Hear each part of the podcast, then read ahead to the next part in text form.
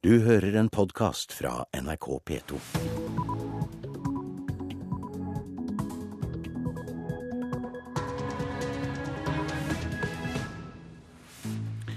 Vel møtt til P2s Nyhetsmorgen klokka 6.30 onsdag 9. januar. Dette er hovedsakene. Mannen som er pågrepet i forbindelse med at en tolv år gammel gutt ble påkjørt og drept i Klepp i forrige uke, nekter straffskyld. Miljøvernministeren refser NHO fordi næringslivsorganisasjonen inviterer til energikonferanse uten klimaforskere. Hvis du vil snakke om energi i 2013, så må du òg snakke om klima.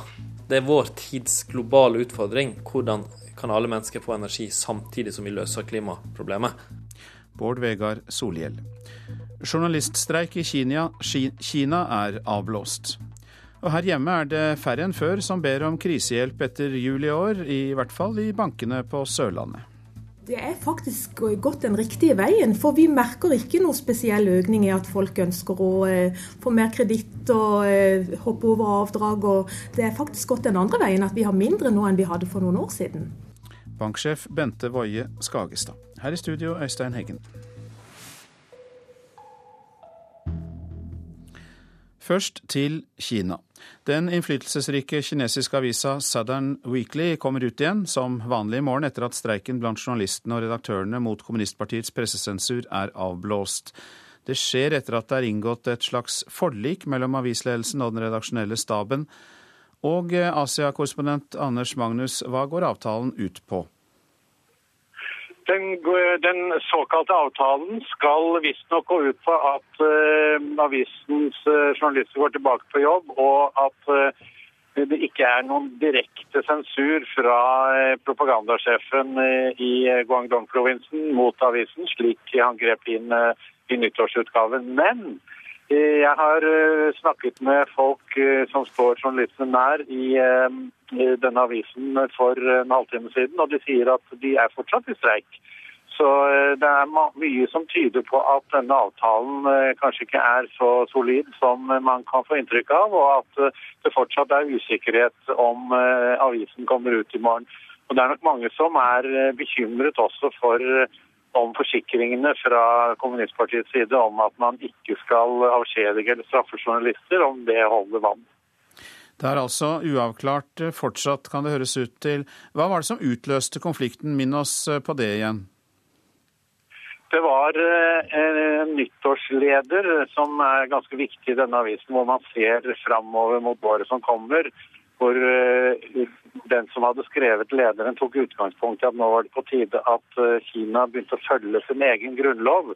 Det står jo bl.a. i Grunnloven at det skal være pressefrihet, ytringsfrihet, forsamlingsfrihet og, og, og, og demokrati.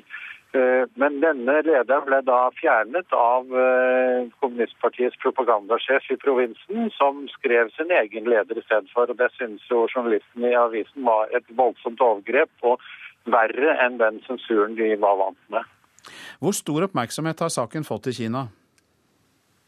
Den har fått veldig stor oppmerksomhet eh, i intellektuelle kretser, og også i den såkalte bloggsfæren, hvor mange følger eh, kinesisk type Twitter-kontoer.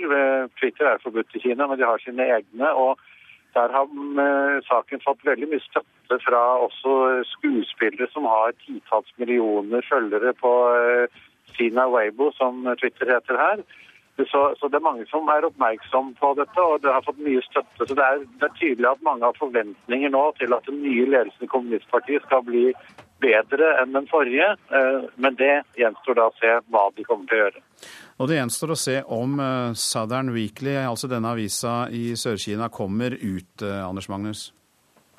Ja, det skal jeg nå er nå på vei til Guangzhou, hvor avisen kommer ut. Og, så det kan eh, vi kanskje få eh, meldt til eh, våre lyttere i morgen tidlig om avisen faktisk har kommet ut eller ikke. Takk skal du ha, Anders Magnus. God tur til Guangzhou. Mannen som er pågrepet og siktet sammen med en kvinne i forbindelse med at Olav Hovda ble påkjørt og drept i Klepp i forrige uke, nekter straffskyld. Det sier mannens forsvarer, advokat Anne Kroken, til VG. Mannen er tidligere dømt for fyllekjøring på samme vei som tolvringen ble kjørt ned, opplyser avisa. Kvinnen og mannen som er i 40-årene er begge mistenkt for å ha ført bilen. Bilen som er brukt har politiet tatt hånd om. Politiet har mistanke om at smuglersaken der en 49 år gammel nordmann ble skutt og drept av dansk politi, kan knyttes til ransmiljøet som Nokas-raneren i sin tid var tilknyttet. Det opplyser flere uavhengige kilder til VG. 36-åringen, som har tilstått forsøk på å smugle 45 kilo hasj, har ifølge avisen et tett forhold til flere av personene som var i kretsen rundt Nokas-dømte David Toska i forkant av ranet for snart ni år siden. NHO bommer når de diskuterer energi i flere timer uten å invitere klimaforskere. Det mener miljøvernminister Bård Vegar Solhjell, som også sier at NHO ikke tar inn over seg at klimamålene må nås. Næringslivstoppene møtes til energikonferanse på Operaen i hele dag. I dag går det sølvmønstrede sceneteppet på Operaen opp for en forestilling miljøvernminister Bård Vegar Solhjell ikke liker. For lite oppmerksomhet rundt klimadelen. Og nok for liten vilje til å ta den faktiske viktige debatten, nemlig at fornybar energi må erstatte fossil energi. NHO-direktør Kristin Skogen Lund er regissøren for det hele. Energi er tittelen. Fremføringen er om løsningene, ikke problembeskrivelsen. Det er et veldig bevisst valg. Vi er alle veldig klar over klimautfordringene. Eh, fokus er løsningene på klimaproblemene. Solhjell blander seg i hvem som spiller en rolle. Jeg syns en klimaforsker eh, hadde vært nyttig. Hvis du vil snakke om energi i 2013, så må du òg snakke om klima. Sant? Det er vår tids globale utfordring. Hvordan kan alle mennesker få energi samtidig som vi løser klimaproblemet? Og da er det en overgang fra fossil energi som olje og kull til fornybar energi som er kjernen. En viss mengde olje, gass og kull må bli liggende under bakken skal klimamålene nås, sier Solhjell. Så fossil energi eller ny fornybar energi. Dette er eh, ikke enten-eller, det er begge deler og renest mulig. Ville det ikke vært mer fremtidsretta om det var enten-eller, for på et tidspunkt så blir det jo det? Ja, men det vil komme mer og mer fornybar energi også i Norge. WWF-leder Nina Jensen er også skuffet over NHOs prioriteringer. Det syns jeg jo svekker eh, konferansen, helt klart. Det går altså ikke an å se energi isolert fra verken klima eller miljø. og Derfor så burde de også ha invitert inn eh, klimaforskere og miljørepresentanter. Hun etterlyser samtidig at Solhjells regjering kommer med en helhetlig energimelding. Den eneste måten å få dette til, er hvis man får eh, en helhetlig energipolitikk i Norge, og en energimelding som syr det hele sammen. Høyres Nikolai Astrup er helt enig i begge deler. På den ene siden så kunne det vært et større fokus på klima i det programmet som eh, foreligger for konferansen NHO skal ha. Samtidig så har NHO bedt om at regjeringen legger frem en stortingsmelding der man nettopp ser klima, eh, energi og næringsutvikling i sammenheng. Eh, så jeg spiller ballen tilbake til Bård Vegar Solhjell og sier at han bør feie for egen dør og sørge for at regjeringen leverer en sånn melding til Stortinget. Og eh, reporter her, det var Lars Nehru Sand. Vi går rett til deg, vi leder i Naturvernforbundet, Lars eh, Haltbrekken. Ja, NHO forsvarer seg mot kritikken fra Bård Vegar eh, Solhjell, og det er vel også fortjenstfullt at de faktisk tar opp energibehov og miljøutfordringer på denne årskonferansen til NHO? Det er bra at man diskuterer de store energiutfordringene som både Norge og verden står uh, overfor. Men NHO er på villspor når de tror at norsk olje og gass er en del av løsninga på klimaproblemet. Faktum er at vi har funnet fem ganger mer kull, olje og gass i denne verden enn det vi kan ta opp dersom vi skal unngå de verste konsekvensene av klimaendringene. Eh, og da blir det helt uforsvarlig også eh, å gå inn i stadig mer sårbare områder for å tyne de siste oljedråpene ut av norsk sokkel, som NHO ønsker når de åpner for å gå inn i områdene utenfor Lofoten, Vesterålen og Senja. Et kjernespørsmål i denne saken var jo begge deler eller enten-eller. Altså eh, NHO går jo inn for begge deler. At man både skal ha uh, fossil energi og satse på det videre, og fornybar. en del av verdens ledende klimaforskere sier nå at det aller meste av den fossile energien som allerede er funnet, må bli liggende i bakken dersom vi skal ha noe som helst sjanse til å unngå de verste klimaendringene. Det betyr at et land som Norge, som er en ledende aktør uh, i forhold til produksjon av fossil energi, må la masse av den oljen og gassen som vi allerede har funnet, bli liggende. Og det er helt meningsløst å drive og leite etter mer uh, olje og gass på norske områder når vi vet at vi ikke kan uh, ta det opp. Da må vi heller la de små mengdene uh, olje og gass som kan tas opp i verden, bli tatt opp av de fattigste. På den annen side kan man si at vi er heldig stilt som slipper raske omstillinger og kan ta det over lengre tid, og velge begge deler. Norge bør nå starte den omstillinga som vi vet uansett er nødt til å komme også for uh, norsk uh, næringsliv. Og Det betyr at vi bør innføre en stopp i tildelinga av nye områder til oljeindustrien. Og så bør vi heller satse på en grønn og framtidsretta industri i dette landet. Mer om eh, energi, for ved din side så sitter også Oluf Ulseth, som er administrerende direktør i Energiprodusentenes forening Energi Norge. Grunnen til at du ikke har fått ordet riktig ennå, er at vi har en litt annen vinkel til deg. Fordi eh, LO har jo fryktet at eh, mer strømeksport kan gi høyere strømpriser. Men nå viser det seg altså at de fleste av oss er enige i at vi skal eksportere mer vannkraft ut av landet hvis det forutsetter at det gir et bedre klima. Eh, det viser altså en ny måling. Er dette hyggelige tall for deg? Dette er veldig hyggelige tall. Det viser at strømkunden er positiv til kraftutveksling med land rundt oss. Eh, det ser vi også de to siste årene. Vi har, Fjor vinter hadde vi en veldig kald vinter. Da trengte vi å importere. I år har vi hatt eh, veldig mye eh, vannkraftproduksjon i Norge. Da har vi kunnet eksportere, eller denne vinteren. Ligger an til noe i nærheten av en historisk rekord for, for 2012. Um, det gir også perspektiver for Norges rolle i det europeiske energimarkedet, som jo også er en del av temaet på, på NHOs årskonferanse i dag. Og eh, her opplever vi jo at eh, befolkningen støtter at Norge kan ha en viktigere og større rolle enn i dag. Og eh, sånn sett, i, i målene om et bedre klima, sikker forsyning og grønn vekst, så gir jo dette noen spennende perspektiver i forhold til de mulighetene som den energiomleggingen vi står foran, skaper. Men eh, selv om dette er jo fine visjoner, men det er jo min lommebok det svir i. Hvis dere klarer å eksportere en masse overskuddskraft, så blir jo strømmen dyrere for meg når det plutselig kniper. Det vi ser er jo at de store svingningene som kundene særlig opplever, er eh, vanskelig. Og eh, når vi ser da de to siste årene under ett, så uh, trenger vi egentlig enda mer utveksling enn det vi har i dag. Da ville de aller høyeste prisene blitt lavere, og de aller laveste prisene ville blitt høyere. Så det først og fremst så vil det bli jevnere, likere strømpriser med mer kabler. Og uh, det vi understreker også hvorfor det er viktig å ha tempo når det gjelder å utvikle uh, kabler til, til, og fra utlandet. Og disse tallene fra, fra Gallup viser jo også at det er nå en økt støtte også til å utvikle eh, sentralnettet i Norge.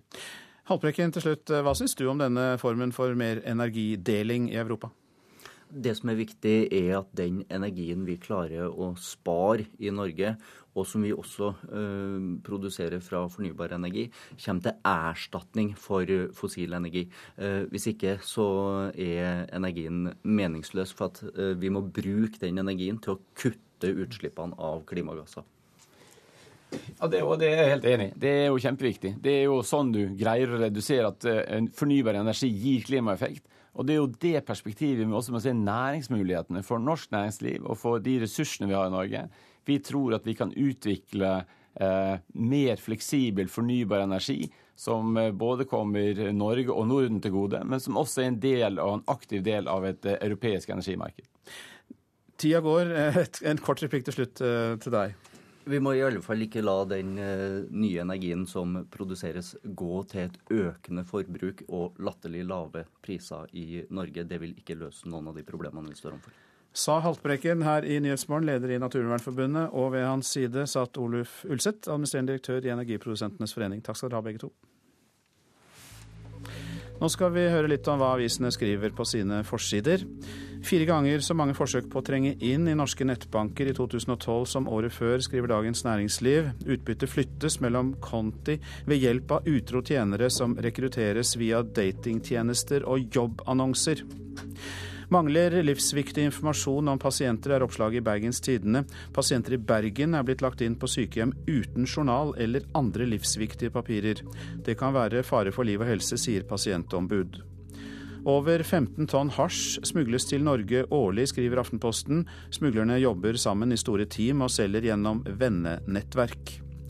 Her starter jakten på bakmennene, skriver Fedrelandsvennen til bildet av politiets etterforskere i den danske byen Aalbeck. Etterforskningsleder tror det kommer flere pågripelser i kjølvannet av smuglersaken der. Til full kamp mot Ryanair, skriver Klassekampen. Fagbevegelsen står samlet bak kravet om at Ryanair ikke må få lov til å fly i Norge. Både LO, YS og Akademikerne boikotter selskapet. Vil stoppe Ryanairs planer i Norge, fagforeningene raser, det er stikkord fra Dagsavisens forside. Fagforbundene advarer mot elendige arbeidsforhold. Kvinner bærer den tyngste børen i EU, det er vårt lands oppslag. Arbeidsledigheten er rekordhøy, og det er flest kvinner som er uten arbeid. Føler seg ennå mistenkt, er Adresseavisens oppslag 20 år etter arrestasjonene i Bjugn-saken. Einar Oksvold var en av de sju som ble pågrepet mistenkt for seksuell omgang med barn. Saken ble henlagt, og han fikk erstatning, men Oksvold sier til Adresseavisen at han likevel føler seg mistenkt for livet. Krever økt satsing på bygdebredbånd, er oppslaget i Nasjonen. Det blir et digitalt klasseskille i Norge hvis ikke tempoet øker i bredbåndsutbyggingen, sier direktør i IKT Norge, Torgeir Waterhouse.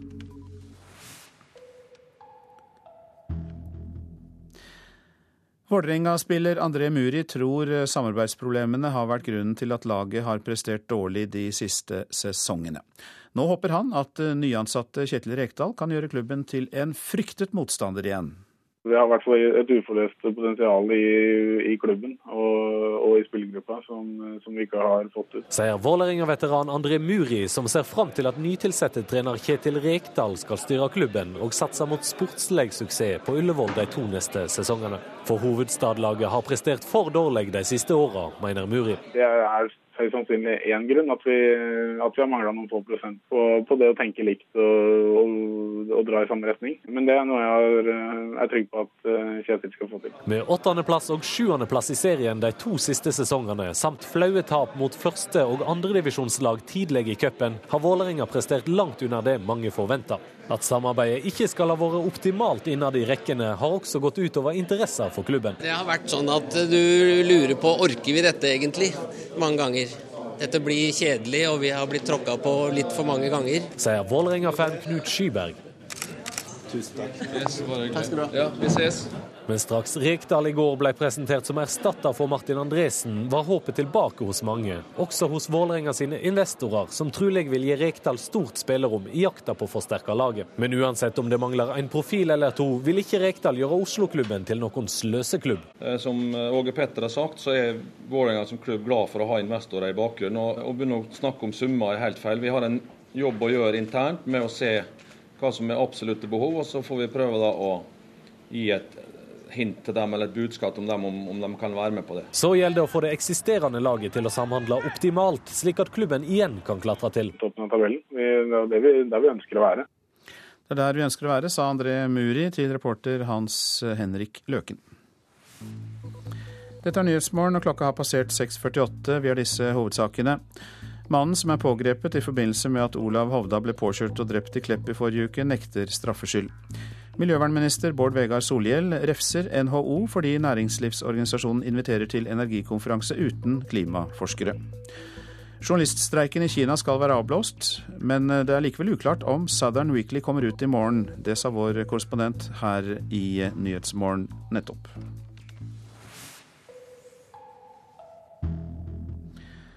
300 erstatningssaker fra krigsveteraner venter på behandling i Statens pensjonskasse.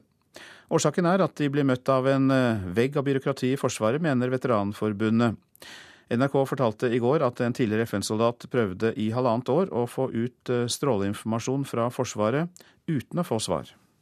Det er så beklagelig, men det føyer seg jo inn i rekken av en rekke andre saker. Skal vi snu deg? Henne? Henne? Små glimt av hverdagslykke på Askøy. Pappaen på stovegulvet, Hans Bjarne, er ei av sakene Veteranforeningen viser til. NRK fortalte i går om den 31 år gamle tidligere FN-soldaten som fikk hjernesvulst.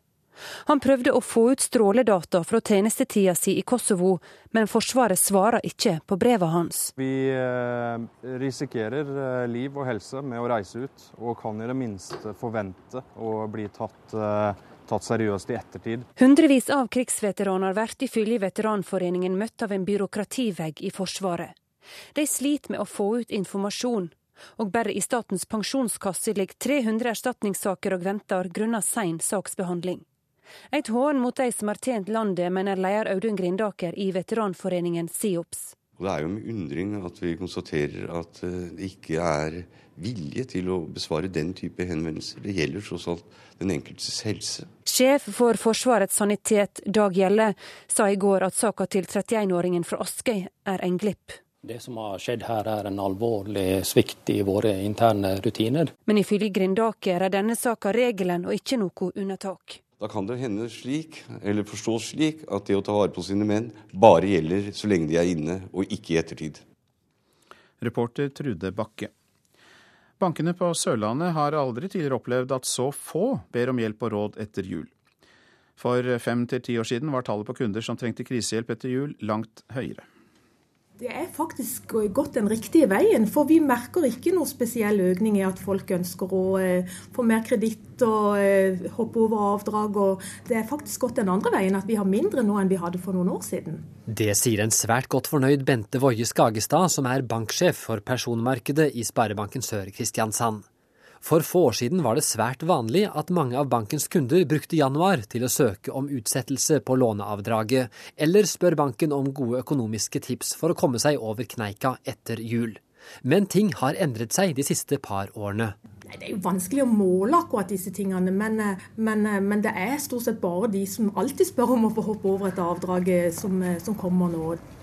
Heller ikke de vi tilfeldigvis møtte på gata i Kristiansand hadde tatt seg vann over hodet i jula.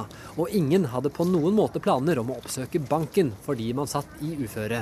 Altså, ja, kan hende at det, det brenner litt i, i kortene sånt, akkurat i julerusen og sånt, men nå som er salg og sånn og greier, så kanskje det brenner enda mer enn det det gjorde i jula. Men klarer du deg selv, eller må du til banken for å få hjelp? Trygda mi har gått uh, rundt i, i, jula, så jeg er fornøyd med det som har skjedd nå i jula. Ja, kanskje litt lite, men det var Det gikk greit, liksom. Hva med deg, da?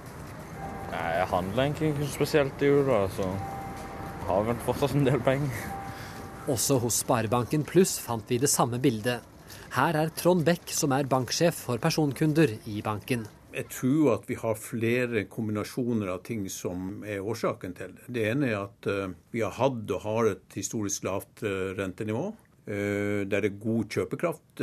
Arbeidsmarkedet er godt. Og vi har også merka en økt sparerate både blant yngre og, og, eldre. Betyr det at dere ikke får den type henvendelser i det hele tatt, nærmest, sammenlignet med for noen år siden? Ja, faktisk. Jeg skal ikke si at ikke man får det, men i de store trekk så har vi mye mindre av det. Men handler dette kun om lave renter og mer penger mellom hendene på folk, eller er vi blitt mer bevisste?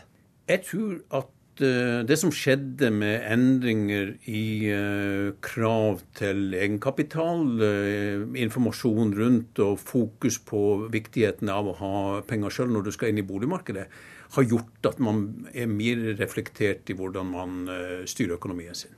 Fra andre deler av landet har vi hørt flere historier om personer som har strevd tungt med å komme seg gjennom julens økonomiske byrde.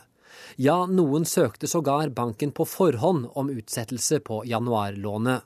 Men Bente Woie Skagestad i Sparebanken Sør er ikke sikker på om sørlendinger er mer økonomiske bevisste enn mennesker andre steder i landet. Ja, Det er ikke godt å si om det er forskjell på sørlendinger, men, men det virker i hvert fall som de har kontroll, og vi merker ikke noe spesielt. Reporter Yngve Stiansen. Regjeringen vil gjøre det enklere å lage butikk av kultur, men de som laget historien om barne-TV-traktoren Gråtass, sier det har vært vanskelig å få hjelp og støtte for å lansere den i utenlandske versjoner. Etter møter i, i Næringsdepartementet håper de likevel at en engelsk versjon av Gråtass skal se dagens lys.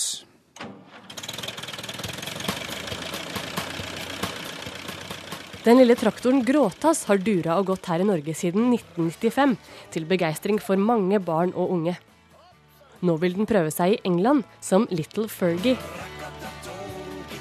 Når vi skal gå internasjonalt, og jeg sier når og ikke hvis, så, så må vi gjøre det på en ordentlig måte. Produksjonsselskapet Fantasifabrikken vil lansere gråtasskonseptet for britene. Men det er kostbart, forteller daglig leder Anne Tovsen. Skal vi til England, som det er så stort marked og så profesjonelle på, så må vi gjøre det på deres premisser. Og det er et stort løft. Fantasifabrikken er ikke så store at de klarer det løftet alene. Norge har mange støtteordninger, men gråtassprodusentene føler de faller mellom mange stoler, for de lager både film og teater og musikk og matbokser og gud vet hva, og alt skal de søke om støtte om, og helst skal det lanseres samtidig. Det er ordninger på bøker, det er ordninger på filmtitler, og det er ordninger på musikk, men det er ingen som tenker helhetlig i forhold til å gå ut med et totalt konsept. Frustrasjonen er nok gråtassprodusentene ikke alene om. Kulturforsker Ola Berge i Telemarksforsking peker på at kulturfeltet er mindre sjangeravgrenset enn før. Innenfor både film- og musikkfeltet så ser du f.eks. at det er, liksom, det er ikke lenger bare snakk om et produkt, et, et, klart definert produkt. Det er ikke lenger bare musikk eller bare film. Og at det skaper utfordringer for de som trenger hjelp til å vokse seg enda større. Eh, så det krever da egne satsinger og, og mer sånn tverrfaglig tenking. da. Tverrfaglig tenking skal bli, ifølge statssekretær Kristin Maurstad i Næringsdepartementet. Vi ser at her er norske produkter som absolutt hevder seg internasjonalt, og det må vi hjelpe til å få videreutvikle den type prosjekt. Denne våren legger de fram handlingsplanen om kultur og næring, og der vil de legge til rette for økt eksport av norske kulturprodukter. Målet med denne handlingsplanen er å at flere aktører i kulturnæringene skal kunne leve av egen virksomhet, noe som vil øke verdiskaping og attraktive lokalsamfunn. Eh, men i tillegg skal denne planen omhandle hvordan en kan få eh, økt eksport og internasjonalisering av eh, kulturprodukt. Så da kan det kanskje bli tilbake til røttene for Gråtastraktoren, hvis egentlige navn er TE20, Tractor England 20, produsert på 50-tallet av selskapet Ferguson i nettopp England.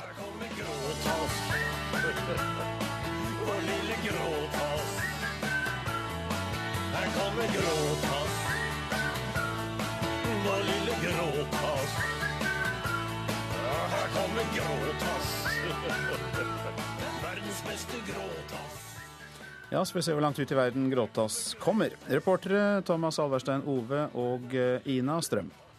Så til et værvarsel fram til midnatt. Fjellet i Sør-Norge spredt snø, etter hvert pent vær. Østlandet og Telemark litt snø, sludd eller regn nær kysten. Nord for Mjøsa opphold. Fra i ettermiddag pent vær. Agder får stort sett oppholdsvær. Fra utpå dagen pent vær, til og med. Rogaland enkelte spredte regnbyger, utrygt for tåke. I kveld østlig bris, stort sett pent vær. Hordaland etter hvert oppholdsvær, utrygt for tåke. I kveld pent. Sogn og Fjordane opphold, fra i ettermiddag pent. I kveld økende til kuling ved Stad. Møre og Romsdal først på dagen litt regn i sør, sludd og snø i indre strøk. Ellers opphold. I kveld blir det pent vær, med en liten kuling sør i Møre og Romsdal. Trøndelag spredte regnbyger ytterst på kysten, ellers opphold og fra i ettermiddag pent vær. Så var det Helgeland, Saltfjellet og Salten, stort sett opphold. Ofoten og Lofoten sludd og snøbyger. Vesterålen nordlig liten kuling, fra ettermiddag nordlig frisk bris og eh, sluddbyger. Troms liten kuling på kysten, sludd- eller snøbyger. Vest-Finnmark med vidda, på kysten oppe i stiv kuling, perioder med snøbyger. Øst-Finnmark enkelte snøbyger. Så går vi på Nordensjøland på Spitsbergen, og der kan vi slå fast at det blir oppholdsvær. Liten kuling eh, fra i ettermiddag, og eh, litt seinere på dagen kan det bli litt snø. Temperaturer målt klokka fire. Svalbard lufthavn minus 11, Kirkenes minus 9, Vardø og Alta begge minus 4. Tromsø-Langnes null grader, Bodø pluss 1, Brønnøysund pluss 2, Trondheim og Molde begge pluss 1. Bergen og Stavanger hadde begge fem grader pluss, Kristiansand-Kjevik null grader, Gardermoen var nede i minus seks, Lillehammer og Røros minus sju grader, Oslo-Blindern minus tre grader. Og så legger vi til at vi etter klokka sju bl.a. Eh, får eh, et uh, celebert matbesøk. Vi skal nemlig høre Arne Hjeltnes fortelle om hvordan vi kan bruke all den torsken som syder og koker i havet, og som snart kommer på tallerkenen.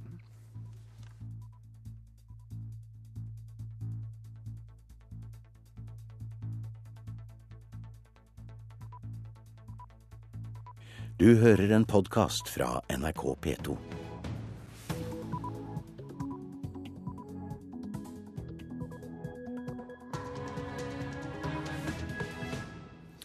Da er klokka blitt eh, sju. Dette er P2s eh, Nyhetsmorgen. Her i studio, Øystein Heggen. Dette er en nyhetsoppdatering. Tips om en skadet bil var trolig årsaken til at politiet i går kveld pågrep og siktet et par fra Klepp i Rogaland etter påkjørselen av en tolvåring. Vi har gjort beslag både i, på bopel og denne bilen. Disse beslagene må jo da videre sjekkes opp imot eh, deres forklaring. Eh, og Så får vi da se om det er nødvendig å beholde de lengre, eller eventuelt eh, varetektsfengsling. Politiadvokat Annbjørg Ingebrigtsen. LO frykter høyere strømpriser hvis eksporten av strøm øker. Nei, Det å så redde Europa med fornybar kraft fra Norge, det kan bli en høy pris for norske forbrukere, og ikke minst for industrien. LO-leder Roar Flåten. Torsken er altså billigere enn på lenge, og benytt anledningen til å spise mer av den, sier Helsedirektoratet. NHO bommer når de diskuterer energi i flere timer uten å invitere en klimaforsker, mener miljøvernministeren. For lite oppmerksomhet rundt klimadelen, og nok for liten vilje til å ta den faktiske viktige debatten, nemlig at fornybar energi må erstatte fossil energi. Bård Vegar Solhjell. Et tips om en skadet bil var trolig årsaken til at politiet i går kveld pågrep og siktet et par fra Klepp etter påkjørselen av tolv år gamle Olav Hovda. Paret, som er i 40-årene, bor på Klepp i Rogaland og satt seint i går kveld i avhør ved Stavanger politistasjon. Politiet vil ikke si noe om bakgrunnen for pågripelsen, men har tatt beslag i bilen. Også bopelen ble i går ransaket. Vi har gjort beslag både i, på bopel og denne bilen. Disse beslagene må jo da videre sjekkes opp imot eh, deres forklaring.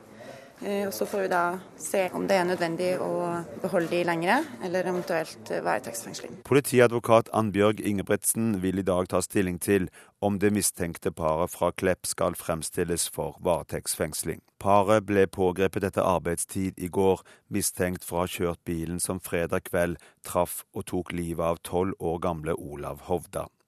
Tolvåringen ble påkjørt mens han gikk på rulleski sammen med sin far. Bilføreren stakk av fra stedet og har vært etterlyst i fire dager. Sona ifra Klepp i 40-årsalderen. Det er mann og ei dame. Lensmannen i Klepp, Hans Kyllingstad, avholdt i går kveld en pressekonferanse om saken på Klepp rådhus. Der bekreftet han at paret er fra Klepp. I går kveld ble de to avhørt på Stavanger politistasjon.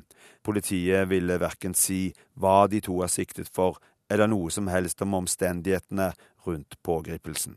Nei, Det er kjempe at det, de har funnet den rette nå, så er det veldig fint. Jo, jeg må si meg enig i det. Ikke minst for pårørende og for de som har gjort det òg. Både blant voksne og unge i Klepp var lettelsen stor da nyheten om pågripelsen spredte seg i går kveld. Helen Haaland og Anne Thu er blant dem som bekrefter at den tragiske hendelsen har preget Gjær kommune. Hele Klepp er opprørt pga. dette. herrene, så det, vi har fulgt med på nyheter både på fjernsyn og radio og hørt på dette. Nyheten om at paret som er pågrepet er fra Klepp, kommer ikke som noen overraskelse.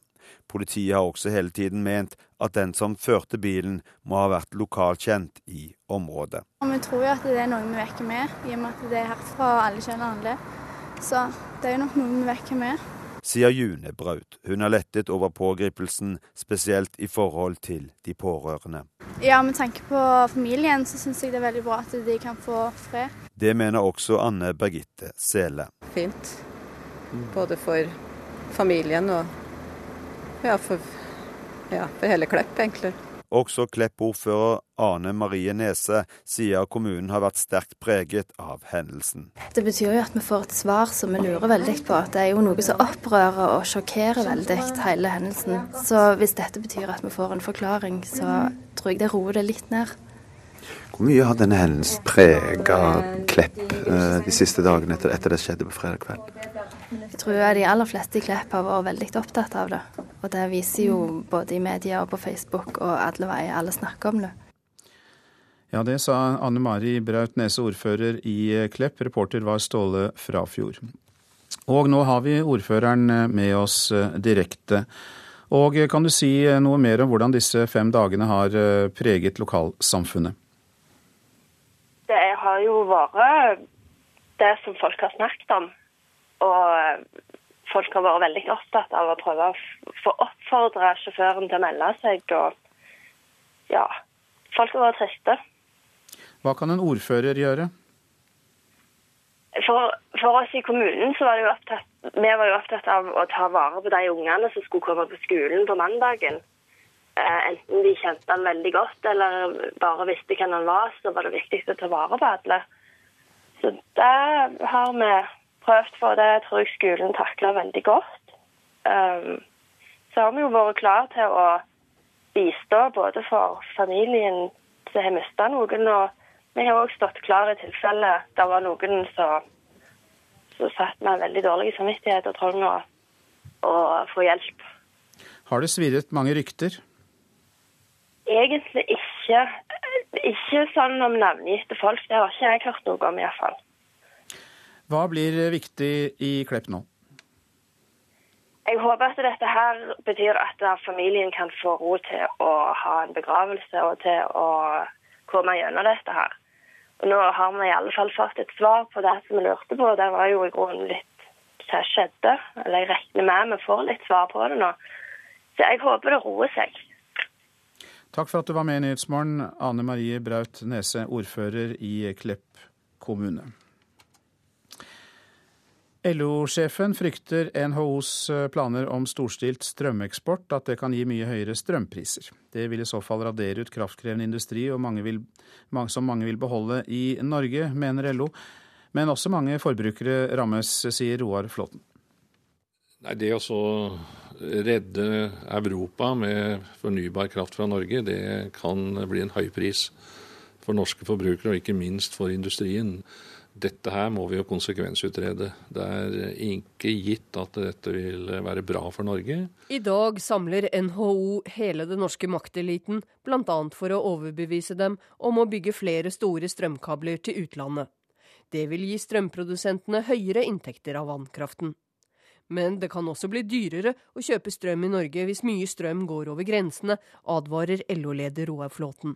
Og Det vil vi iallfall advare mot, hvis det er det som blir resultatet av denne linja NHO har lagt seg på nå. NHO-sjef Kristin Skogen Lund sier økt krafteksport ikke trenger å ramme strømbrukere i Norge.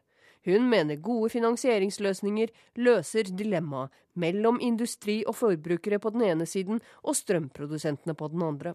Ja, dette det er helt riktig. og derfor, Nettopp derfor føler vi at vi har en viss sånn troverdighet på dette temaet. For vi har de siste to-tre årene jobbet veldig mye internt hos oss med å sortere ut disse dilemmaene. For vi har disse dilemmaene innad i vårt eh, fellesskap her i NHO. Eh, og eh, vi har kommet fram til gode forslag og løsninger som vi dermed mener at vi kan bringe ut i et større perspektiv da, gjennom årskonferansen. Det som ikke blir riktig, det er hvis en, de norske generelle forbrukerne og norsk industri som ikke nødvendigvis har en nytte av kablene, at de skal bære hele regningen for dette, det blir feil. Så du sier at vi må lage et nytt regnestykke? Ja. NHO-sjefen ser for seg at Norge blir storleverandør av ren strøm til Europa. Et grønt batteri. Fordi det ligger en god forretningsmulighet i å importere billig kraft og selge ut dyrere kraft der vi eksporterer strøm når prisene er høye, og importerer strøm når prisene er lave. Men går vi bare to år tilbake, var historien en annen. Norske magasiner ble tidlig tappet ned, og vinteren 2011 fikk nordmenn strømprissjokk etter import av kullkraft, atomkraft og oljefyrt kraft fra Europa til himmelhøye priser. LO-sjef Roar Flåten sier det er en fare for at flere store strømkabler gjør at vi også importerer et høyere prisnivå generelt sett, for norsk strøm er billigvare. Og vi må også tenke på de norske interessene. Husk på det at vannkrafta det er honningkrukka nummer én for det norske samfunnet. Og det kan få katastrofale følger for norske arbeidsplasser. LO-leder Roar Flåten til reporter Hedvig Bjørgum. God morgen, Petter Brubakk. God morgen. Du er direktør for næringspolitikk i NHO. Ja, skal vi holde på sånn, så får vi håpe at det regner mye framover? Ja, det er jo en god, god idé for norsk eh, kraftproduksjon. Men eh, jeg tror jeg vil si at NHO er vel den siste organisasjonen i Norge som skulle ønske å gjøre noe som eh, forringer konkurranseforholdene for kraftforedlende industri. Det vi snakker om her, er jo å ha litt flere tanker i hodet enn én på samme tid. Vi snakker om å se på hvordan Norge kan posisjonere seg i forhold til det som skjer både i vårt eget land, men ikke minst i Europa, hvor det er en kraftig omlegging av energipolitikken. Flere tanker i hodet. Da høres det ut som du mener at Roar Flåten har eh, for mye fokus på én tanke. Men eh, trekk fram de andre tankene da, som er så viktige her. Ja, det, som er, det, som er, sentralt for oss, er at Norge er en veldig viktig energinasjon i Europa og globalt. Og Vi har mange ressurser, og vi eksporterer f.eks. i dag gass, som er en viktig ressurs for mye av Europa. og Det bør vi eksportere mer av fremover. Samtidig så ser vi at eh, Europa har en omlegging i retning av mer fornybar kraft. Vi skal også utvikle mer fornybar gjennom de såkalte grønne sertifikatene sammen med Sverige i de neste syv-åtte årene. Det betyr at vi kan gå mot en situasjon med kraftoverskudd. Men er det ikke logisk, som LO påpeker, at dersom vi eksporterer strøm, så blir det mindre her hjemme og høyere priser?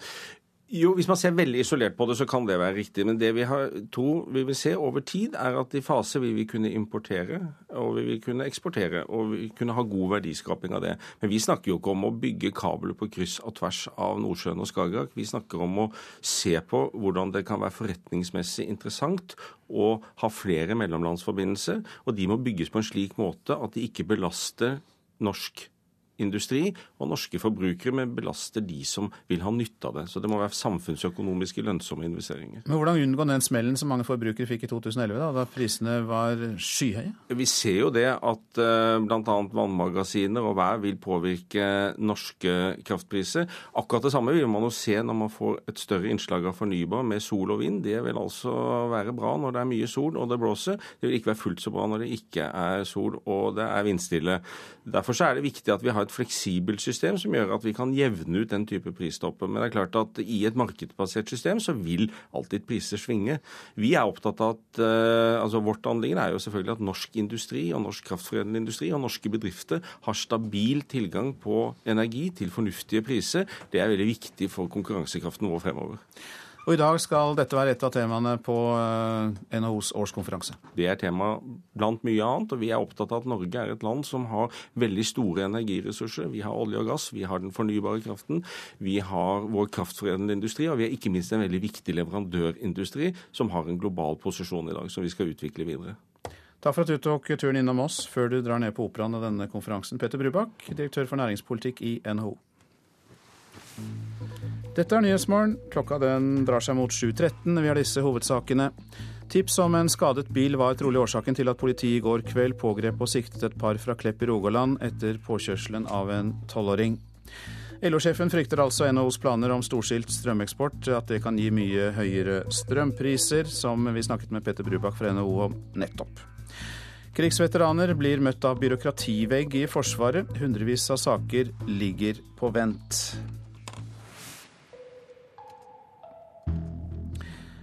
Velkommen til deg, Arne Hjeltnes. God morgen. Du eh, kaller deg jo mat- og fiskeentusiast og lager et TV-program sammen med Arne Brimi om norsk klippfisk. Eh, et juletre utenom det vanlige med norske flagg på et fiskemarked i Mexico fanget min interesse på din Twitter-konto på morgenkvisten i dag. Hva var det for noe?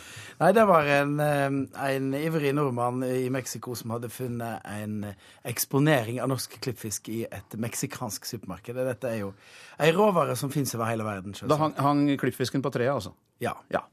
Fine greier. Julestemning blir det med klippfisk. Mange, mange katolske land så er det ikke jul og ikke påske uten norsk klippfisk. kan bli helt katolsk av mindre. Du, eh, du blir her, og så skal vi høre om torsken, for den er jo så billig nå. Det er på oppfordring fra Helsedirektoratet at vi må spise mer.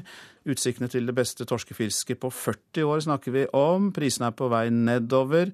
I Oslo var Petter Ørbekk innom fiskedisken for å kjøpe torsk i går. Jeg regner med at det er den første skreien som har vært på innsig. Og Da søker jeg opp det i butikken så fort jeg får sjans. Tenker jeg skal ha 800 gram av den der. I fiskedisken får han den ferske torsken han er ute etter. Tenker jeg jeg kan ta én rogn, det greier seg. Med litt rogn i tillegg er det delikatesse for Peter Ørbekk. Det er jo det at det er førsteklasses vare. Det er jo fremragende mat. altså Det er jo ikke tilsatt noe som helst. Og den har jo selv gått til hentet sin eget fôr. Det er jo ikke oppdrettsfisk, for å si det sånn. Her på Ika på Ullevål stadion koster skive med fersk torsk 69 kroner kiloen. Hel torsk 59 kroner. Det er rimelig til å være i Oslo i begynnelsen av skreisesongen, sier Thomas Hansen, som hjelper kundene i fiskedisken. 20-30 kroner rimeligere enn eh, vanlig. Så det er masse fisk tilgjengelig og låg pris? Ja, veldig lav pris nå i forhold til hva vi har hatt i fjor. Så da merker vi at salget har økt mye tyder på at prisen på torsk kommer til å holde seg låg i tida framover, sier administrerende direktør Trygve Myrvang i Norges Råfisklag. Ja, Prisene ute i verden er gått eh, ganske mye ned. og Det betyr at eh, prisene til norske fiskere er gått ned. Noe som igjen vil føre til at eh, norske konsumenter, norske fiskespisere, også må kunne få tak i, billigere fisk i, i månedene som kommer. Denne anledningen bør vi benytte, sier divisjonsdirektør Knut Inge Klepp i Helsedirektoratet. Ja, Fisk har kanskje et ufortjent rykte om å være veldig dyrt. Vi ser at eh, prisen absolutt kan konkurrere med andre middagsretter. Og eh, det er jo ønsket at forbruket vil øke. Ser en over de siste eh, tiårene, så har jo kjøttforbruket gått kraftig opp. Og det fortsetter og senere år har økt kraftig. Mens fiskeforbruket har ligget ganske flatt. Og eh, nå de siste par årene så ser vi en tendens til at det heller går litt ned enn at det går eh, opp. Hva syns du om det? Ja, Det er jo eh, rent ernæringsmessig og helsemessig så er det uheldig. Vår anbefaling er heller å redusere litt på kjøttinntaket og øke fiskeinntaket. Peter Ørbekk syns det er bra at prisen på torsk har gått ned, selv om han ikke kan spise fisk stort oftere enn han allerede gjør. Ja, jeg kommer til å spise fisk som jeg alltid gjør, fire ganger i uken. Så det er ikke noe uh, unntak. Du virker jo frisk og rask, tror du det er pga. all fisken du spiser? ja, det er det helt sikkert. Garantert. ja, det var Kjartan Røslett som var ute og snakket med de friske og raske og de andre i Oslo i går. Du, Arne Hjeltnes, når vi hører at havet syder og koker av torsk som snart kommer på tallerkenen, det er vel nesten så du savner din gamle jobb i eksportutvalget for fisk? Ja, dette, det er jo veldig godt nytt, og det, som, det eneste som på en måte gjør meg litt trist, er jo at en ikke får eh, flere til å ete fisk. Altså denne mannen vi hørte her nå, uten at jeg så han, så vil jeg jo si at han kanskje var på min alder. Og det som blir utfordringa, blir jo å få neste generasjon til å bli like glad i den ferske torsken. Så det er der utfordringene ligger, og at vi kanskje er, begynner å få et litt skeivt kosthold med litt for mye usunn mat. og at det er veldig få store dagligvarekjeder som bestemmer egentlig utvalget, så det ligger mye ansvar på deg, syns jeg. Ja, altså at uh, vi har så mange billigbutikker uten ferskvaredisk at uh, der fisken håndteres korrekt og, og omsorgsfullt. Ja, altså, det, det, det, er et av problemene? Ja, ja jeg tror òg at uh, vi må få um, fisken inn i, som har sett på, laksekonsumet øker jo, da.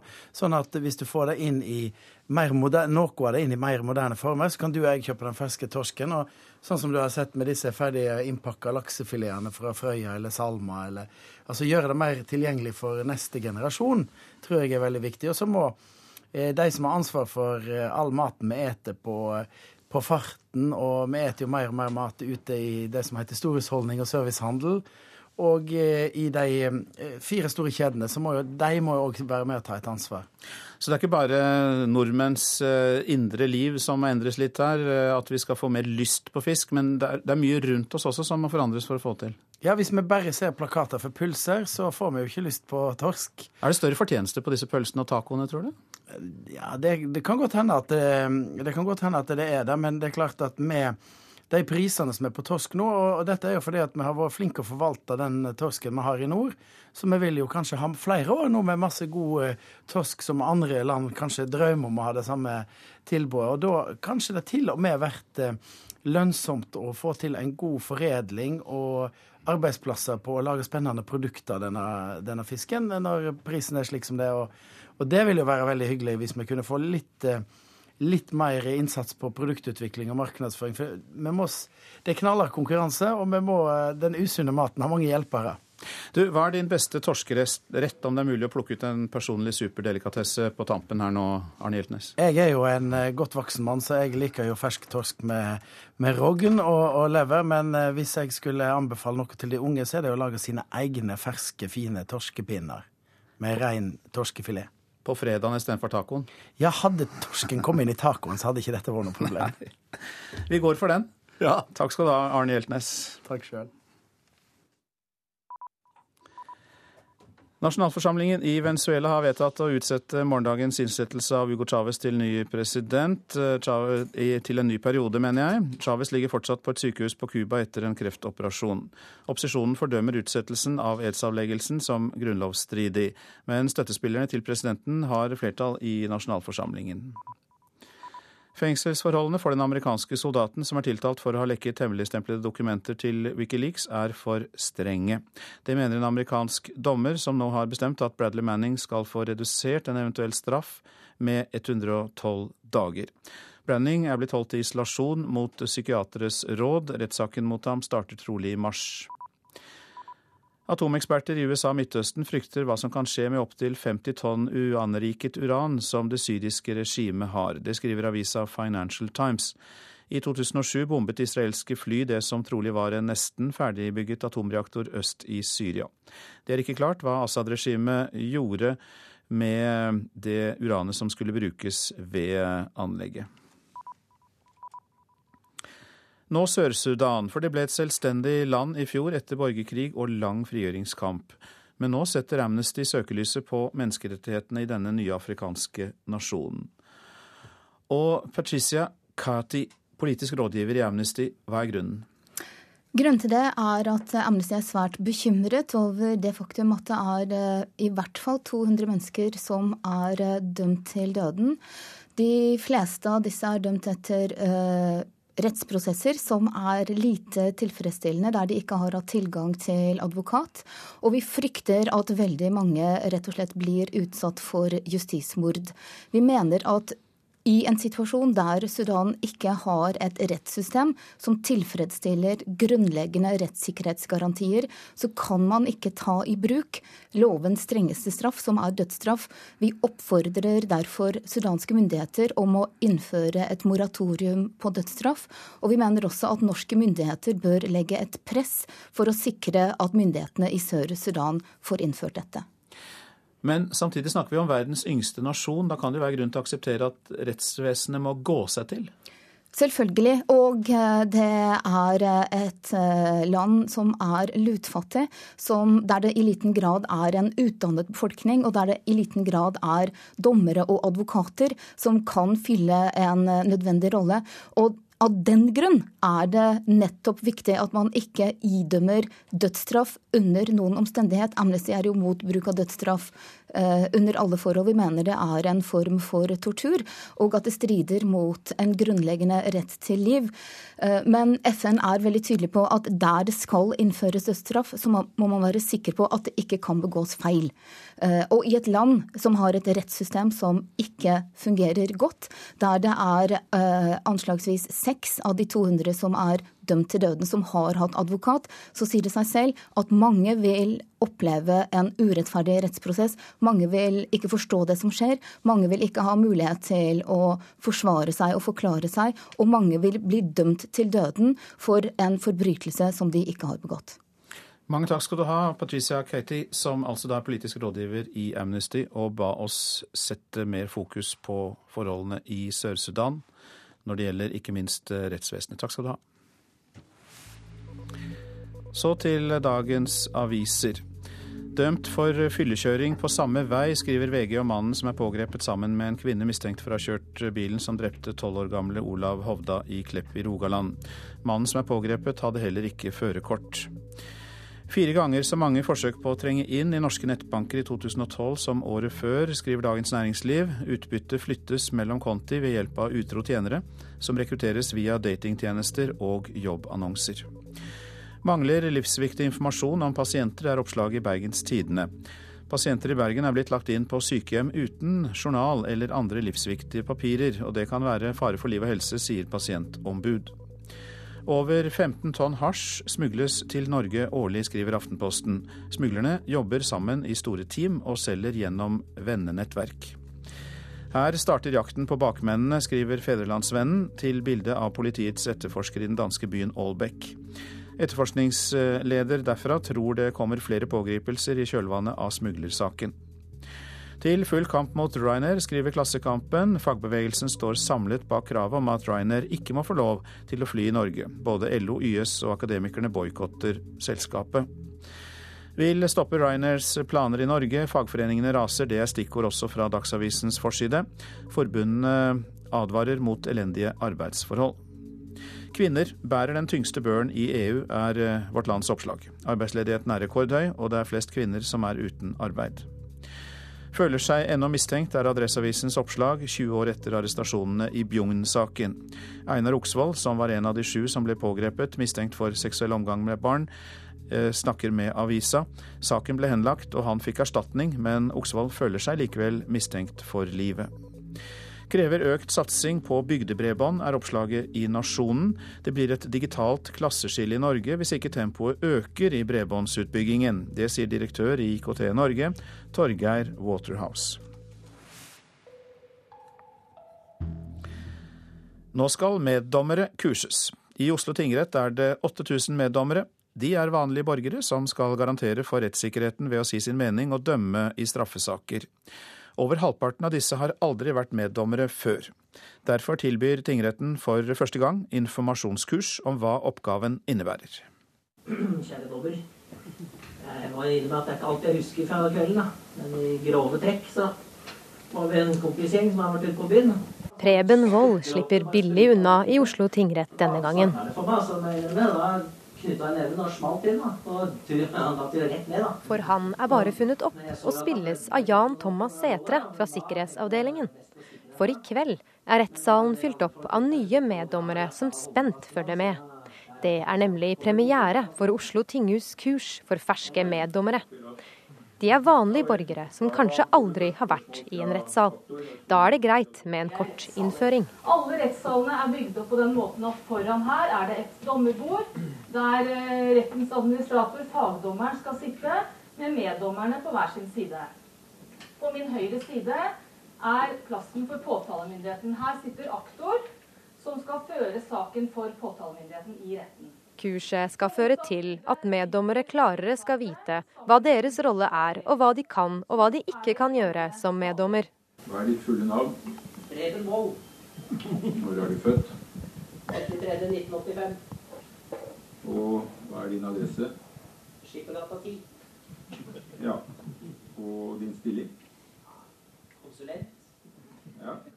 Under 22. juli-rettssaken ble en meddommer kastet fordi han skrev sin holdning om rettssaken på Facebook. Dette er også en av grunnene til at tinghuset nå holder informasjonsmøter. Det forteller tingrettsdommer Hanne Signe Nymoen. Ja, Vi snakket litt om at det er viktig at meddommere ikke diskuterer saker på sosiale medier underveis i eh, rettssaken. At de må holde seg nøytrale og helst ikke ta, ikke ta, stilling til saken på forhånd. Ja, Da skal jeg bare skyte inn. Da la dere kanskje merke til hvordan eh, de dommerne kom inn i saken, inn i salen. Eh, kom administrator først og meddommerne etter. og Da setter man seg da meddommerne på hver sin side av eh, administrator. Til sammen skal Oslo tinghus holde seks kurs, og over 1000 har meldt seg på. Beate Sørum er en av de 180 som har møtt opp i kveld. Det var veldig spennende. Godt å få et eh, innblikk i hva som skjer i rettssalen og hva det oppgaven går ut, på. Hva er det du har lært om? Om hva som foregår i en rettssal, rett og slett. Og hva det er slags ansvar man har som meddommer. Da. Du står jo nå i sal 250, 22.07-salen, og det var jo på en måte fullt, sånn som det kanskje vil være under en, en rettssak. Hvordan føles det at du skal være en meddommer i en rettssak en gang? Forhåpentligvis så kommer man jo aldri inn i en sånn rettssak eh, igjen, men eh, man kjenner jo at det er den rettssalen man står i, det gjør man. Du føler deg trygg til å være meddommer nå? Ja, det gjør jeg. Og lykke til med den første saken for de som ikke har vært i retten.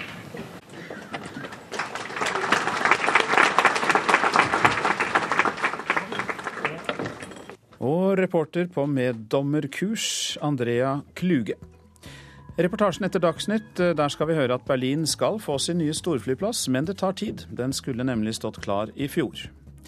NHOs årskonferanse og norsk energipolitikk blir temaer i Politisk kvarter kvart på åtte. Dit kommer bl.a. Kristin Skogen Lund, administrerende direktør i NHO. Prosent for Nyhetsmorgen, det er Jan Erik Bjørnskau. Her i studio, Øystein Heggen.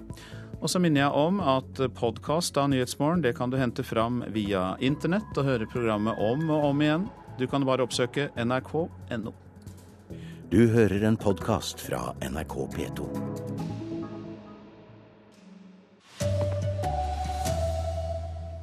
Mannen som er pågrepet etter påkjørselen på Klepp, nekter straffskyld.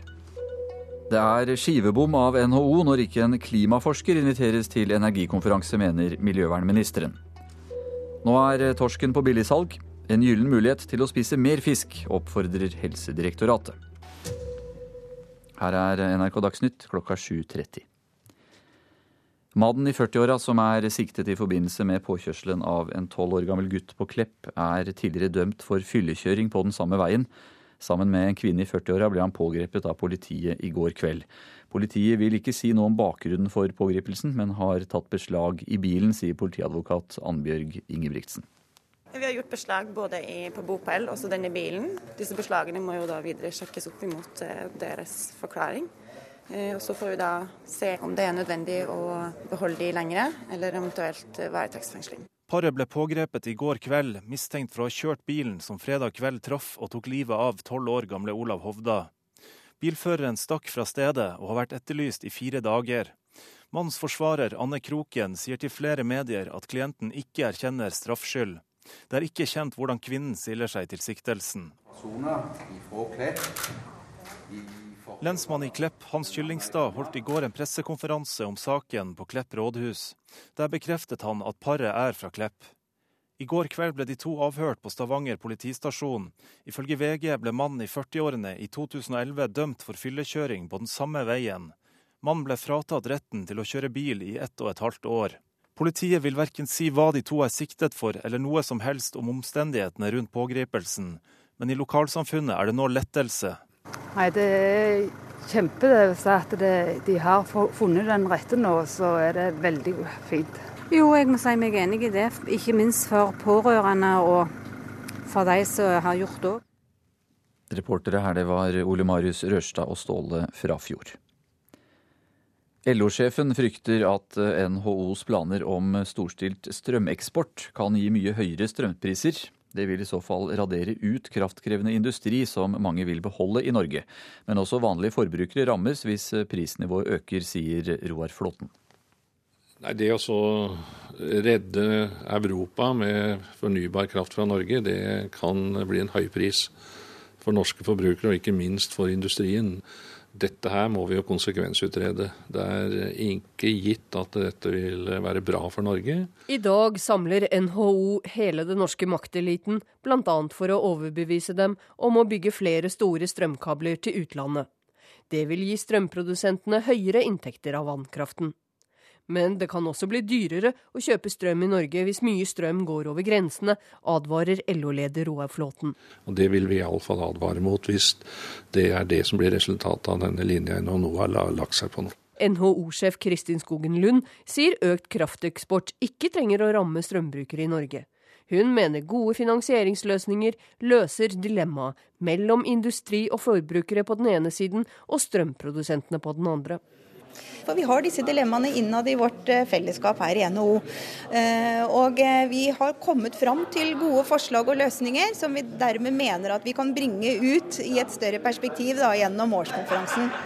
LO-sjef Roar Flåten sier det er en fare for at flere store strømkabler gjør at vi også importerer et høyere prisnivå generelt sett, for norsk strøm er billigvare. Og vi må også tenke på de norske interessene. Husk på det at vannkrafta det er honningkrukka nummer én for det norske samfunnet. Reporter Hedvig Bjørgum. NHO bommer når de diskuterer energi i flere timer uten å invitere en klimaforsker. Ja, det mener miljøvernminister Bård Vegar Solhjell. I dag møtes næringslivstoppene til energikonferanse på Operaen.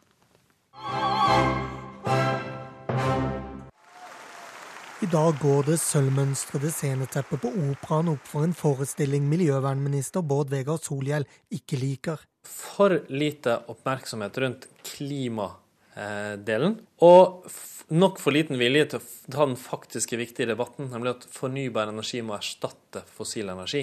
NHO-direktør Kristin Skogen Lund er regissøren for det hele. Energi er tittelen. Fremføringen er om løsningene, ikke problembeskrivelsen. Det er et veldig bevisst valg. Vi er alle veldig klar over klimautfordringene.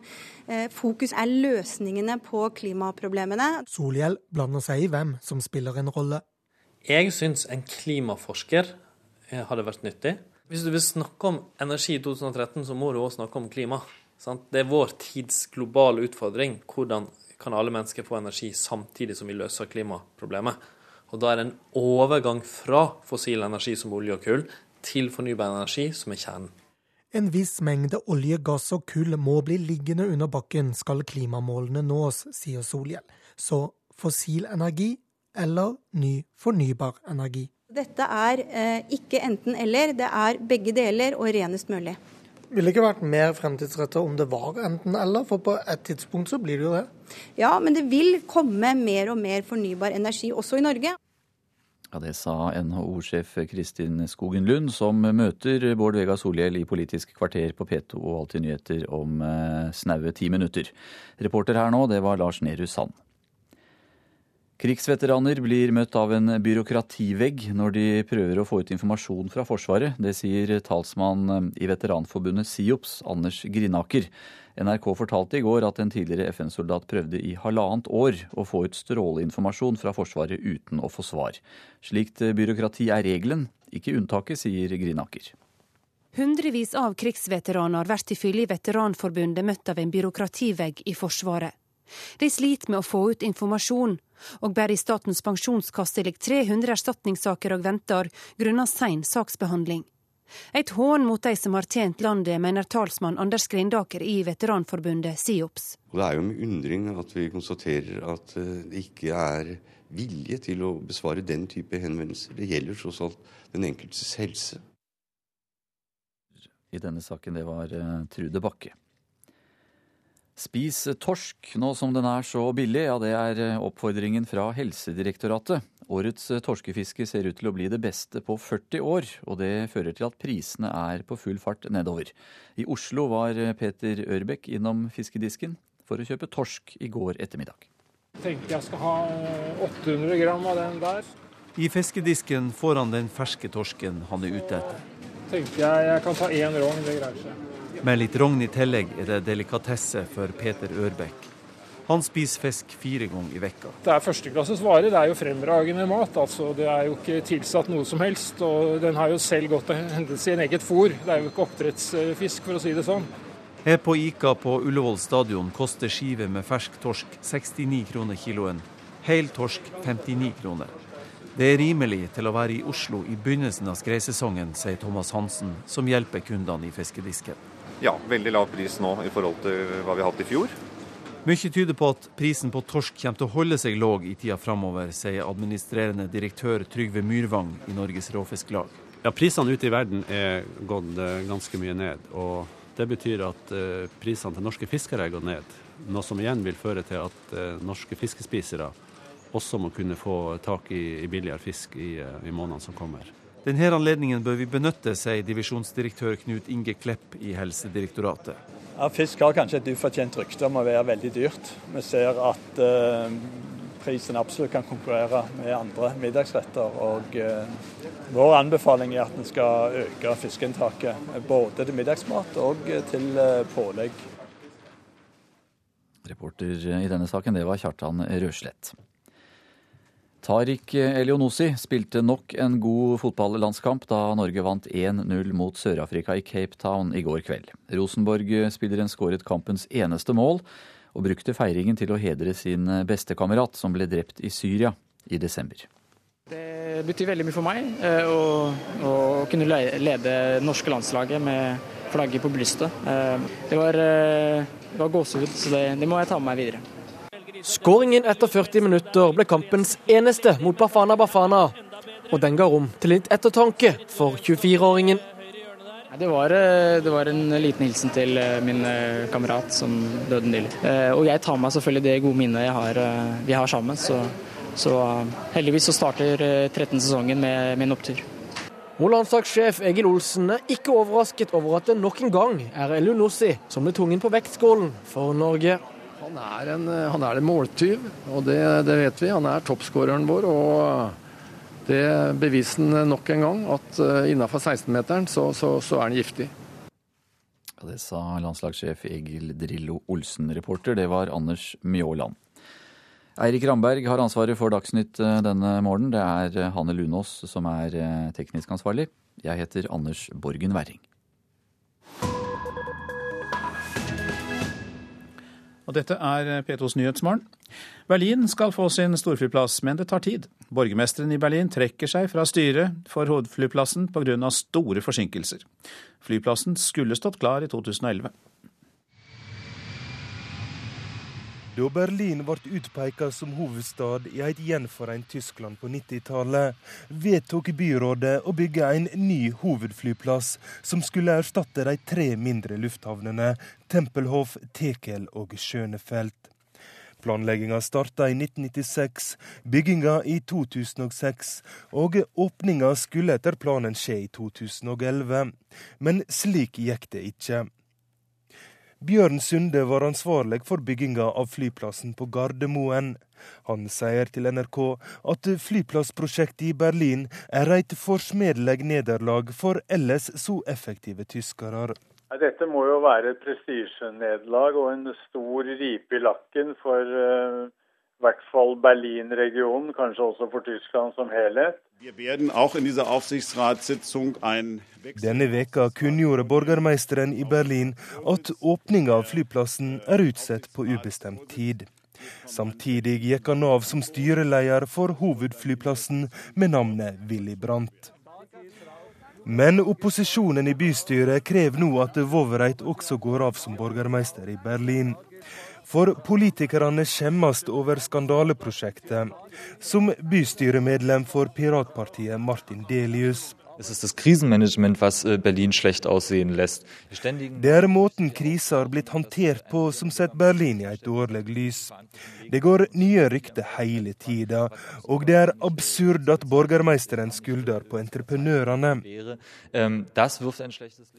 Styremaktene har vært altfor naive. De har ikke stilt gode nok krav til leverandørene, mener Bjørn Sunde. Jeg mistenker at tyskerne ikke har gjort et godt nok eh, forarbeid i dette prosjektet. Var du og tilbydde din eh, kompetanse og dine erfaringer til de tyske flyplassbyggerne?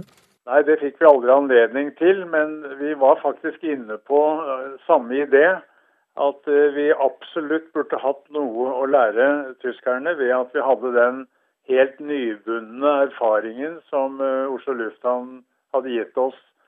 Men tyskerne organiserte prosjektet på en måte som gjorde at det ikke var mulig. Hvorfor gjorde ikke de det mulig?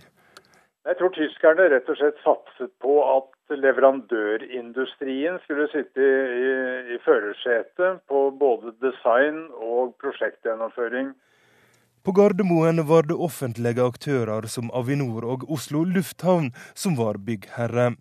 Og Sunde mener det gav styremaktene kontroll over entreprenørene, slik at de leverte det de hadde lova.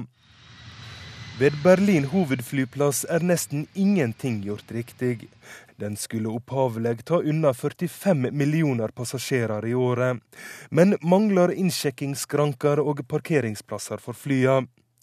Kostnadene er dobla fra om lag 15 til 30 milliarder kroner. Klaus Wowereit mehr tragbar Borgermeisteren er ikke til å holde ut, sier gruppeleder for Miljøpartiet i Berlin, Ramona Popp. Vi står tilbake med en katastrofe, en katastrofe som vil koste oss flere hundre millioner euro, kanskje mer. Og det hjelper nok ikke at landsens politikere fra Bayern flirer i skjegget. Kristendemokraten Alexander Dobrint slo tørt fast da han besøkte byggeplassen i Øst-Berlin. Jeg bare håper Berlin flyplass blir klar før de har funnet opp teleportering. Sa reporter Roger Severin Bruland. Dette er Nyhetsmorgen med disse hovedsakene. Tips om en skadet bil var trolig årsaken til at politiet i går kveld pågrep og siktet et par fra Klepp i Rogaland etter påkjørselen av en tolvåring. LO-sjefen frykter NHOs planer om storstilt strømeksport, at det kan gi mye høyere strømpriser.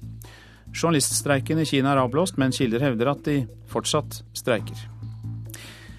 Næringslivet inntar kulturens øyborg i dag, Sigrid Solund, men vorspielet tar dere i Politisk kvarter. Operaen huser NHOs årskonferanse i dag, og energi er tema, men noen er ikke med på diskusjonene.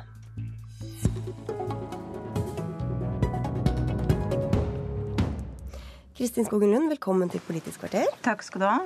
Om en time skal du ønske samfunnstopper og næringslivsledere og mange andre velkommen til den første årskonferansen hvor du er administrerende direktør. Hvordan står det til med nervene? Det går, veldig, det går veldig fint. Jeg tror vi har god kontroll på dette her, så jeg gleder meg jeg nå. Hvor viktig er det for deg som ny leder at denne konferansen, som dere sikkert har brukt mye tid og penger på, blir en suksess? Det er selvfølgelig veldig viktig. Og NHOs årskonferanse er den ene gangen i året hvor vi virkelig har anledning til å samle så mange og sette et tema vi mener er viktig på agendaen for den nasjonale debatten.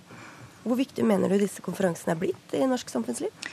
De er heldigvis blitt veldig viktige og, og toneangivende. Og vi ser jo at de temaene vi har valgt, de lever også i debatten i lang, lang tid etter konferansen. Så dette har blitt en veldig viktig arena, ikke bare for oss, men for andre som også bruker den. Men utover å sette saker på debattarenaen, hva kommer egentlig ut av det? Det kommer jo bevissthet rundt en del temaer. Det kommer da en debatt som fører til forhåpentligvis bedre løsninger. Nye samarbeidskonstellasjoner kan komme ut av det. Det varierer jo litt etter hva som er tema, da, men vi syns jo at vi får stor gjennomslagskraft da, for, for det vi gjør med disse konferansene. Det er store navn dere har hatt og har på plakaten. Hvor viktig er det for NHO å ha innflytelse og muskler nok til å samle de viktige menneskene på konferansen deres? Altså Jobben vår er jo å representere norsk næringsliv og sikre at det går best mulig og har størst mulig forutsetninger for det. Og det er klart at Skal du være effektiv i den rollen, så, så må du ha kraft til å samle de som påvirker nettopp det. Hvor viktig vil du si at minglingen og nettverksbyggingen er i forhold til det som sies på scenen? Jo, Det er også en veldig viktig del, og ikke minst er det en viktig arena for mange av de som, som deltar på konferansen. Det er jo veldig mange tillitsvalgte i NHO og både store og små bedrifter som, som er der. og det er jo for, dem, for mange av dem er det den ene anledningen de har til å møte både beslutningstagere og politikere, andre kollegaer etc. Så det, det, er viktig. Men når du ser hvem som mingler og deltar, så er det tett mellom dressene. Hva slags mangfold mener du dere klarer å skape på, i NHO og på konferansene?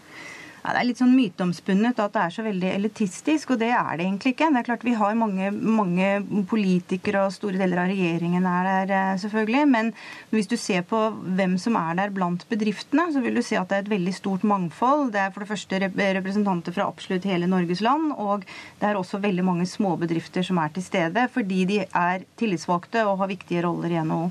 Du sier det er en myte, men hva slags inntrykk tror du folk får når de ser bilde av finansfolk som småprater i operaen?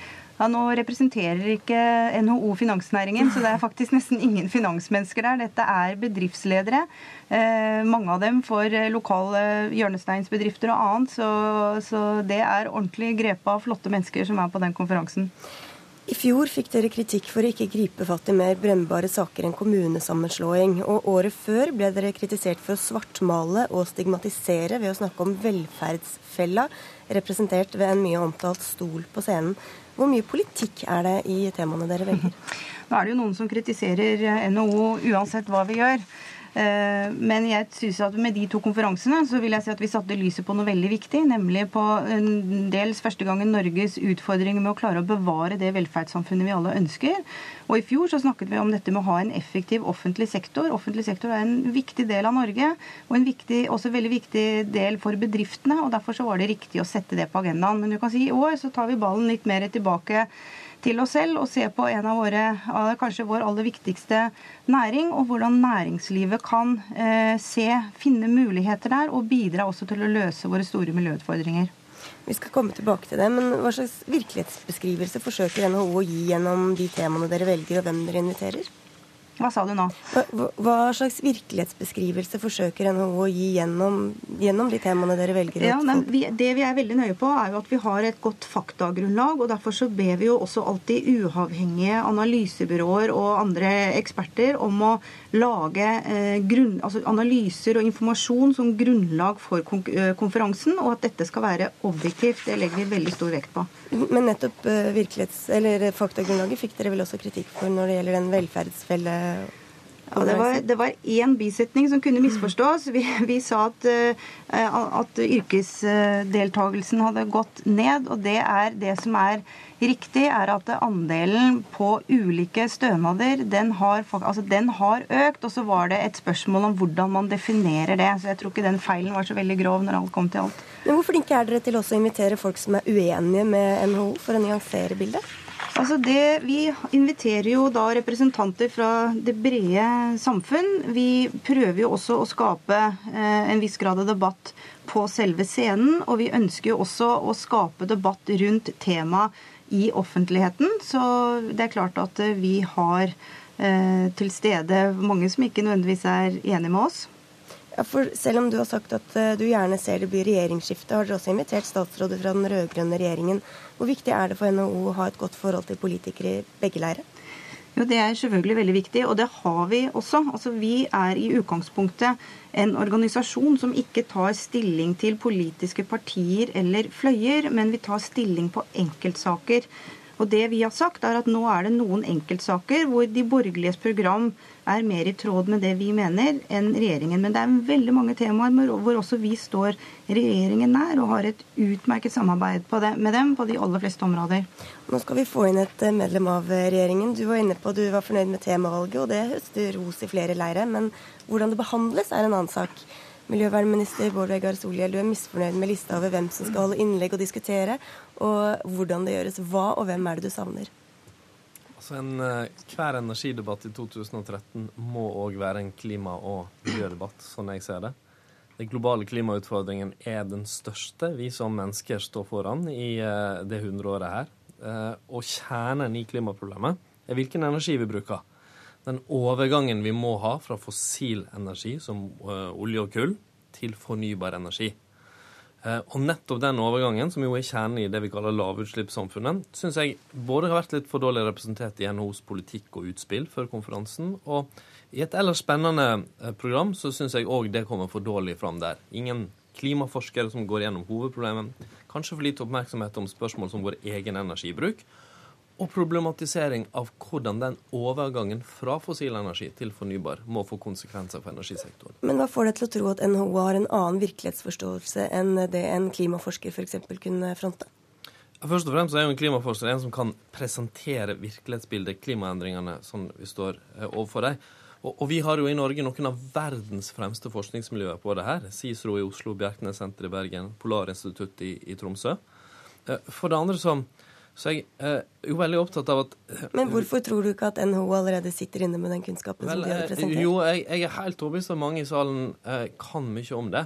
Men min erfaring er at det å få presentert eh, de, de realitetene de, for den forskninga, ikke minst det faktum at store deler av oljen og kullen vi skal produsere, nei, vi eh, kjenner til i verden, må bli liggende under bakken i ti årene framover dersom vi skal kunne løse klimaproblemet Den typen virkelighetsbeskrivelse er, er svært viktig, ikke minst for de aktørene i næringslivet som skal ta beslutninger i energisektoren framover. Skogen Lund, hvorfor har dere ikke invitert klimaforskere eller representanter for miljøbevegelsen til å holde innlegg? Ja, jeg må nesten si jeg er glad for den kritikken, for den er veldig lett for meg å svare opp. For jeg vil jo si at eh, klimautfordringen jo hele, ligger jo som et premiss for hele konferansen her.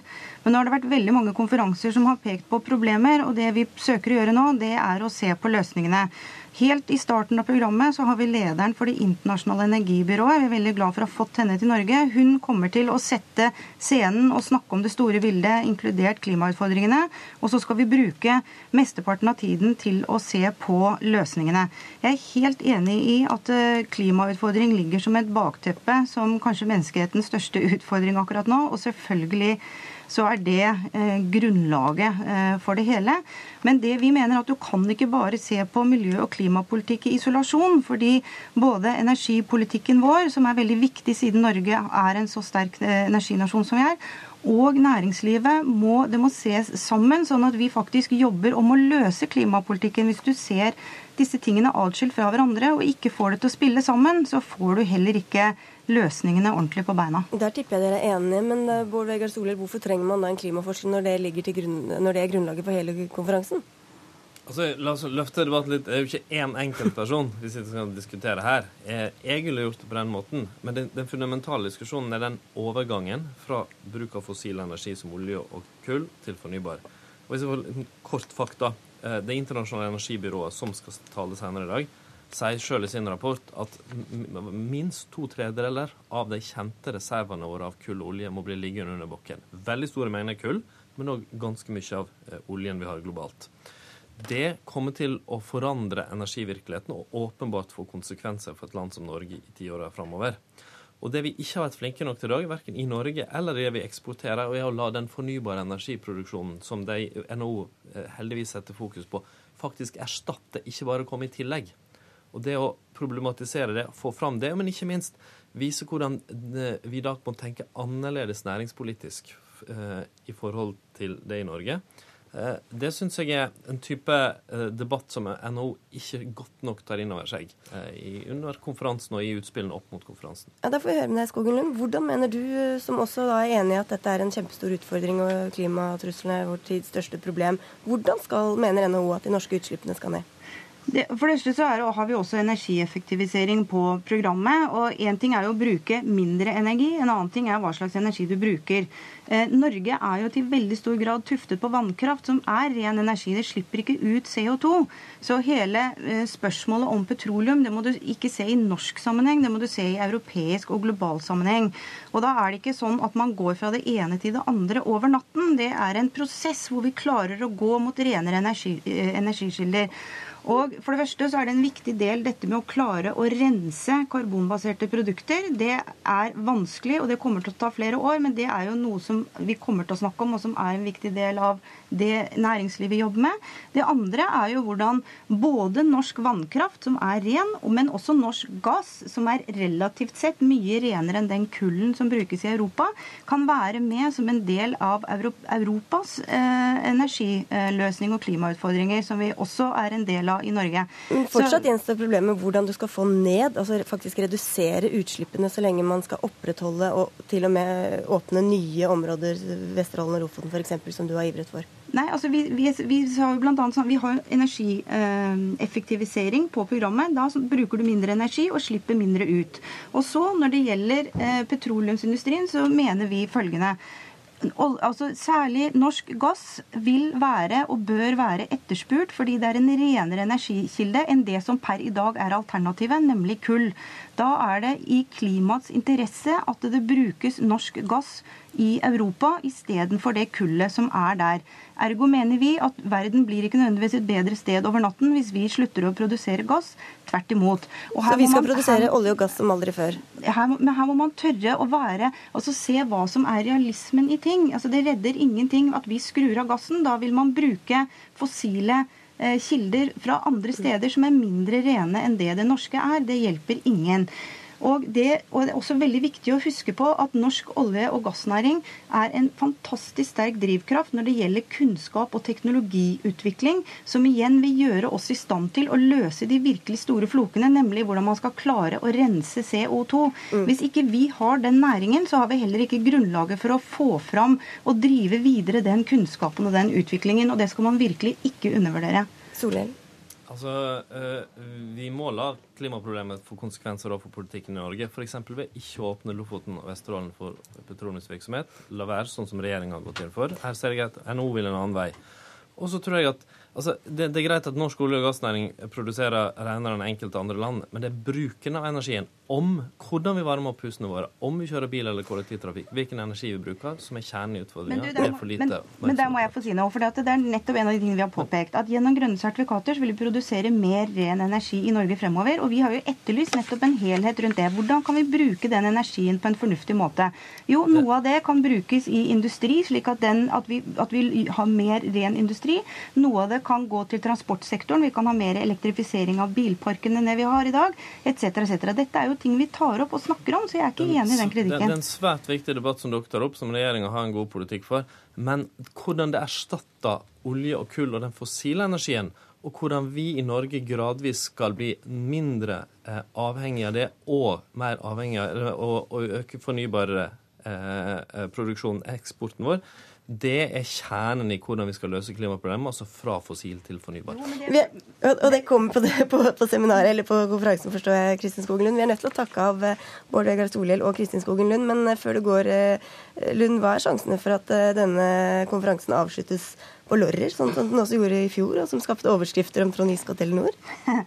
Det blir sikkert fest på Lorry, men jeg kommer ikke til å være der. Tør du ikke et år igjen? Takk skal dere ha for at dere var med i Politisk kvarter. Mitt navn er Sigrid Elise Solund. Du har hørt en podkast fra NRK P2.